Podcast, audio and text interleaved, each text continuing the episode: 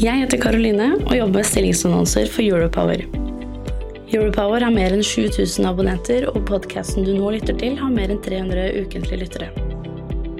Hvis du er på jakt etter ny jobb, se stilling.europower.no. Ta også gjerne kontakt med meg dersom du ønsker å annonsere ledige IT-stillinger i fornybar energibransje.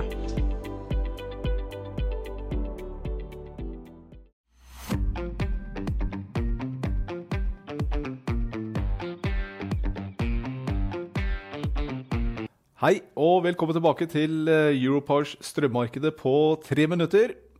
Prisforskjellene mellom nord og sør i Norge har vært eh, rekordhøye de siste to årene. Og så langt i år så ser vi at den sørnorske prisen den er eh, mer enn dobbelt så høy som strømprisen i Nord-Norge. Nå har altså Nord-Norge Europas laveste strømpris, så det er jo med å utgjøre denne store forskjellen. Men ser du på kartet, så kan du se et visst mønster. At det begynner billig i nord, og så blir det dyrere og dyrere jo lengre syd og vest du kommer i kartet. Og det viser jo det at uh, prisområdene innad i Europa jo, korrelerer med hverandre og har innflytelse på hverandre. Og uh, hvorfor har vi altså denne prisen som vi har i Sør-Norge akkurat nå, så er jo det noe som kan forklares i stor grad med utlandet. For skal vi se på de mer lokale forholdene, så kan vi jo begynne å se med vannmagasinene.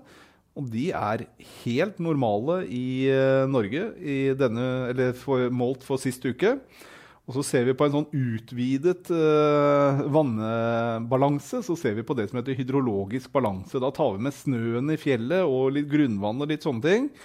Og da får vi også det at vi faktisk har en normal balanse, og ikke bare det, faktisk over normal uh, balanse i den hydrologiske balansen. Så sist vi hadde en sånn balanse, det var i april 2021. Og da var prisene 45 øre i Sør-Norge og 27 i nord. Så for Sør-Norges del er det litt vanskelig å forklare hvorfor prisen er som den er. Så igjen tilbake til eh, utlandet. Men da er det jo balansen mellom Sør-Norge og utlandet. Der ser produsentene ut nå til å ha funnet et prisleie som de er godt fornøyd med. Nå på tirsdag denne uken så kan vi se det på flyten mot Nederland, hvor idet prisen passerer opp over 100 euro, så går import til eksport. Det betyr det at uh, produsentene holder tilbake produksjon når prisen er under et sted mellom 95 eller til 105 euro, uh, men gasser da på idet prisen går over 105. Så hva er det da med 105 som er så innmari spesielt, som gjør at de da ønsker å produsere mer? Og da er det nok det at de forventer å kunne produsere dette vannet på et senere tidspunkt, istedenfor å produsere til 90 euro i dag så kan de produsere til 105 senere. og Det ser vi også i priskurvene fremover.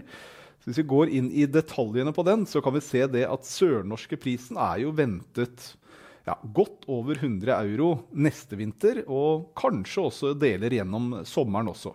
Og den lange prisen, altså flere år fremover, den ligger da på ca. 100 euro. For, for Nord-Norge og Midt-Norge så ligger prisene rundt 50.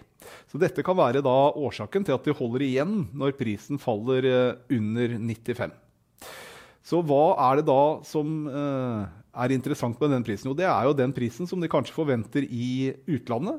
Uh, I Tyskland, Nederland, Danmark, England og som da igjen er eh, preget av gassprisen og det å produsere gasskraft. Og gassprisen den har nå falt og falt eh, siden toppen i august i fjor, og ligger nå nede på eh, laveste pris siden august 2021, faktisk. Så den er jo på vei ned, og sånn sett så bør også prisforventningene til Europa også falle.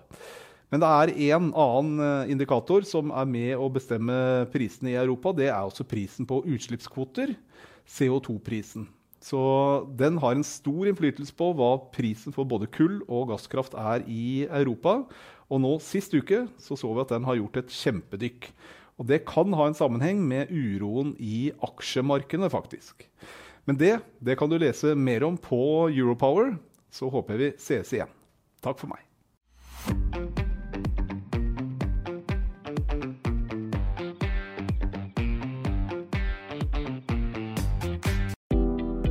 Jeg heter Karoline og jobber med stillingsannonser for Europower. Europower har mer enn 7000 abonnenter, og podkasten du nå lytter til, har mer enn 300 ukentlige lyttere. Hvis du er på jakt etter ny jobb, se stilling.europower.no. Ta også gjerne kontakt med meg dersom du ønsker å annonsere ledige IT-stillinger i fornybar energibransje.